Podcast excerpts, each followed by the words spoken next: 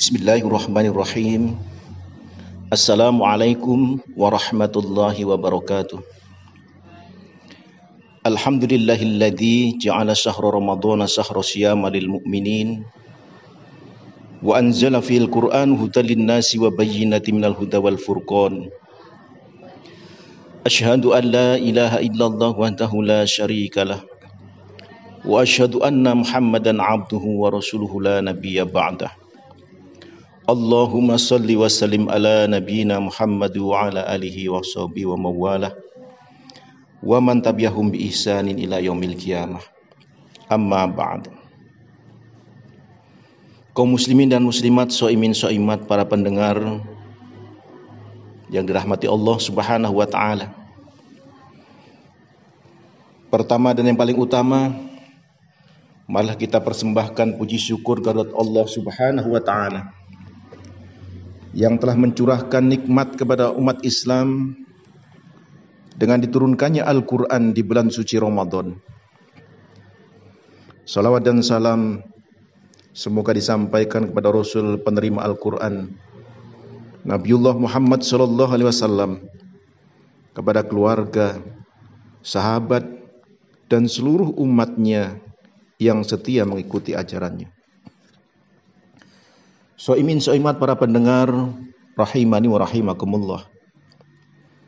Setiap agama-agama samawi yakni agama-agama diwahyukan oleh Allah melalui malaikat Jibril kepada nabi dan rasulnya mempunyai ciri khas utama yaitu adanya kitab suci yang berisi wahyu-wahyu ilahi seperti kitab Taurat yang diturunkan kepada Nabi Musa alaihi salam kitab Zabur yang diturunkan kepada Nabi Daud alaihi salam, kitab Injil yang diturunkan kepada Nabi Isa alaihi salam, dan terakhir kitab Al-Quran yang diturunkan kepada Nabi Muhammad sallallahu alaihi wasallam. Al-Quran sebagaimana dinyatakan oleh Al-Quran sendiri adalah kalam Allah yang diwahyukan kepada Nabi Muhammad sallallahu alaihi wasallam melalui malaikat Jibril pada tanggal 17 Ramadan di tahun pertama kenabian Muhammad sallallahu alaihi wasallam. Karena dengan diturunkannya Al-Qur'an kepada Nabi Muhammad sallallahu alaihi wasallam itu sekaligus menjadi langkah awal pengangkatannya sebagai Rasulullah yang bertugas untuk memperkenalkan, mengajarkan, menyebarkan, menjelaskan dan membuktikan keagungan Al-Qur'an. Al-Quran secara harfiah berarti bacaan sempurna. Merupakan suatu nama pilihan Allah yang sungguh tepat.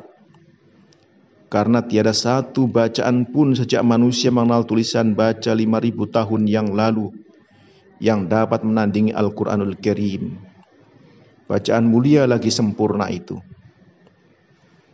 Tiada bacaan semacam Al-Quran yang dibaca oleh ratusan juta orang yang tidak mengerti artinya bahkan tidak dapat menulis dengan aksaranya, serta dihafal huruf demi huruf oleh orang dewasa, remaja maupun anak-anak. Tiada bacaan melebihan Al-Quran dalam perhatian yang diperolehnya. Bukan saja sejarahnya secara umum, tetapi ayat demi ayat, baik dari segi masa, musim, dan saat turunnya, sampai kepada sebab-sebab serta waktu turunnya. Tiada bacaan seperti Al-Quran yang dipelajari bukan hanya susunan redaksi dan pemilihan kosakatanya, tetapi juga kandungannya yang tersurat, tersirat, bahkan sampai kesan yang ditimbulkannya. Semua dituangkan dalam jutaan jilid buku, generasi demi generasi. Kemudian apa yang dituangkan dari sumber yang tak pernah kering itu berbeda-beda sesuai dengan perbedaan kemampuan dan kecenderungan mereka. Namun semua mengandung kebenaran. Al-Quran layaknya sebuah permata yang memancarkan cahaya yang berbeda-beda sesuai dengan sudut pandang masing-masing. Tiada bacaan seperti Al-Quran yang diatur tata cara membacanya. Mana yang dipendekkan, dipanjangkan, dipertebal, atau harus memulai dan berhenti? Mana yang terlarang atau boleh? Mana harus memulai dan berhenti? Bahkan diatur lagu dan iramanya sampai kepada etika membacanya. Tiada bacaan sebanyak kosakata Al-Quran yang berjumlah 77.439 kata. Dengan jumlah huruf 323.015 huruf yang seimbang jumlah kata-katanya. Baik antara kata dengan padananya maupun kata dengan lawan kata dan dampaknya yang tersebar dan tersusun secara indah pada 30 juz 6666 ayat yang serasi kedudukan masing-masing ayatnya. Kaum muslimin, muslimat, so'imin, so'imat, para pendengar di mana pun berada. Di dalam sebuah hadis yang diriwayatkan oleh Imam Tirmizi, Rasulullah SAW menyatakan bahwa Al-Quran adalah kitab Allah yang berisikan sejarah umat sebelum kamu. Berita umat sesudahmu. Kitab yang memutuskan urusan-urusan di antara kamu yang nilainya bersifat pasti dan absolut. Siapa saja orang yang durhaka yang meninggalkannya, pasti Allah akan memusuhinya. Barang siapa mencari petunjuk selain Al-Quran, pasti akan tersesat kehidupannya. Al-Quran adalah tali Allah yang sangat kuat, peringatan yang bijaksana, dan jalan yang sangat lurus. Al-Quran adalah kitab yang mampu mengendalikan hawa nafsu, apabila dibaca, lidah tidak akan bercampur dengan yang lainnya. Para ulama tidak akan merasa kenyang dengannya. Al-Quran adalah kitab yang tidak akan rusak karena sering dibolak-balik, dibaca dan dipelajari. Kitab yang tidak akan pernah habis keagungan, kemuliaan dan keindahannya. Kitab yang golongan jin tertekun-tekun ketika mendengarnya, sehingga mereka berkata, kami telah mendengar Al-Quran yang agung, yang memberi petunjuk kepada kebenaran, karena itu kami beriman kepadanya. Barang siapa yang pelajari Al-Quran, pasti akan mendapatkan ilmu dan hikmahnya. Barang siapa yang berkata berdasarkan pada Al-Quran, pasti akan benar perkataannya. Barang siapa yang mengamalkannya, pasti akan mendapat pahalanya. Barang siapa yang menghukumi sesuatu berdasarkan kepadanya, sungguh orang itu telah mendapatkan petunjuk ke jalan yang lurus. Para pendengar yang budiman, demikian Al-Quran yang mulia itu diturunkan kepada Nabi pilihan sebagai kitab suci bagi umat Islam sebagai pilihan. Sebagai kitab suci, maka Al-Quran mempunyai beberapa fungsi.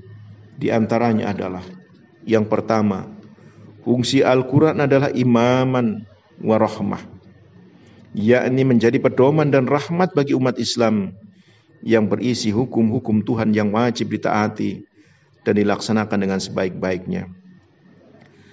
Sebagaimana karakteristik orang-orang yang beriman ketika mereka menerima aturan-aturan dari Allah Subhanahu wa taala. Mereka akan menyambutnya dengan sami'na wa ata'na. Kami dengar ayat-ayat Al-Quran itu dan kami taat atas hukum-hukumnya. Allah Subhanahu wa taala berfirman, "Wa min qablihi kitabu Musa imaman wa rahmah." Wa hadha kitabun musaddiqul lisanan arabiyyan liyundhiral ladzina zalamu wa yusra.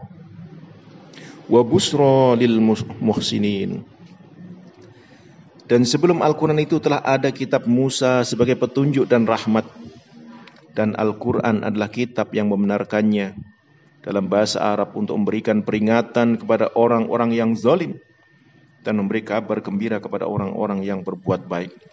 Quran Surah Al-Ahqaf ayat 12. Para pendengar yang dirahmati Allah Subhanahu wa taala.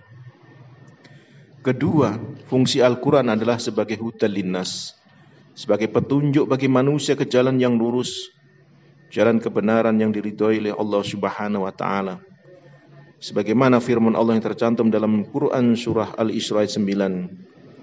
Hadzal Qur'an yahdi lillati hi aqwamu wa yubashshirul wa yubasyirul mu'minina alladhina ya'maluna sholihati anna lahum ajran kabira Sesungguhnya Al-Quran ini memberikan petunjuk kepada jalan yang lebih lurus dan beri kabar gembira kepada orang-orang mukmin yang mengerjakan amal soleh bahwa bagi mereka ada pahala yang besar.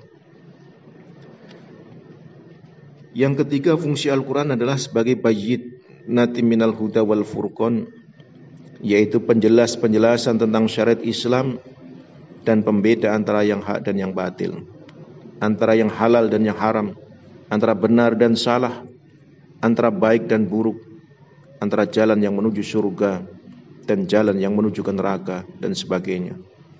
Allah berfirman, "Syahrul Ramadan alladzi unzila fihi al-Qur'an hudan lin-nasi wa bayyinatin minal huda wal furqan." Bulan Ramadan adalah bulan yang di dalamnya diturunkan permulaan Al-Quran sebagai petunjuk bagi manusia dan penjelasan-penjelasan mengenai petunjuk itu dan pembeda antara yang hak dan yang batil. Al-Baqarah 185. Kaum muslimin, muslimat, so'imin, so'imat, para pendengar yang berbahagia. Yang keempat fungsi Al-Quran adalah sebagai tazkirah atau peringatan yang berisi, berisi tafsir atau kabar gembira bagi orang-orang yang beriman dan inzar atau ancaman bagi orang-orang yang mendustakan kebenaran Al-Quran. Allah Subhanahu wa taala berfirman, "Ma anzalna 'alaikal Qur'ana litashqa illa tadhkiratan liman yakhsha." Kami tidak menurunkan Al-Quran ini kepadamu agar kamu menjadi susah, tetapi sebagai peringatan bagi orang yang takut kepada Allah. Quran surah Tuha ayat 2 sampai dengan 3. Kemudian firman-Nya lagi, "Tsumma awrasnal kitaba alladzina astafaina min ibadina faminhum zalimun li nafsihi wa minhum muqtasidun wa minhum sabiqum bil khairati bi idznillah." Dzalika huwal fadlul kabir. Kemudian kitab Al-Quran itu kami wariskan kepada orang-orang yang kami pilih di antara hamba-hamba kami. Lalu di antara mereka ada yang menganiaya diri mereka sendiri dengan mengingkari kebenarannya. Dan di antara mereka ada yang pertengahan antara percaya dan tidak percaya. Dan di antara mereka ada pula yang lebih dahulu berbuat kebaikan dengan izin Allah karena mereka meyakini kebenaran Al-Quran. Yang demikian itu adalah karunia yang amat besar Quran Surah Fatir 32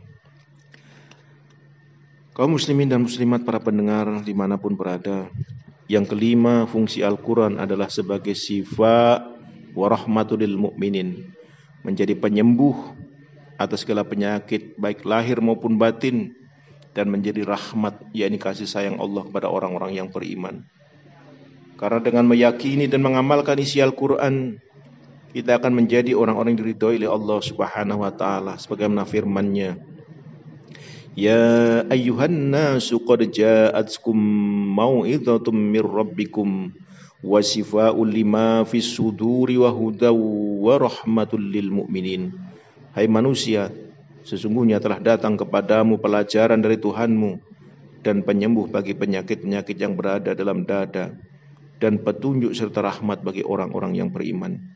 Quran surah Yunus ayat 57. Dan dalam hadisnya Rasulullah SAW juga bersabda, Taraktu fikum amroyini lan tadillu ma tamassaktum bihima abada. Kitab Allahi wa sunatar Rasulullah. Rawahul Muslim. Aku tinggalkan untuk kalian dua perkara. Kamu tidak akan tersesat selama kamu megang teguh keduanya, yaitu kitab Allah dan sunnah Rasulullah sallallahu alaihi wasallam kaum muslimin dan muslimat, para pendengar di mana pun berada yang dirahmati Allah Subhanahu wa Ta'ala. Demikian santapan rohani yang dapat saya sampaikan dalam kesempatan yang singkat ini.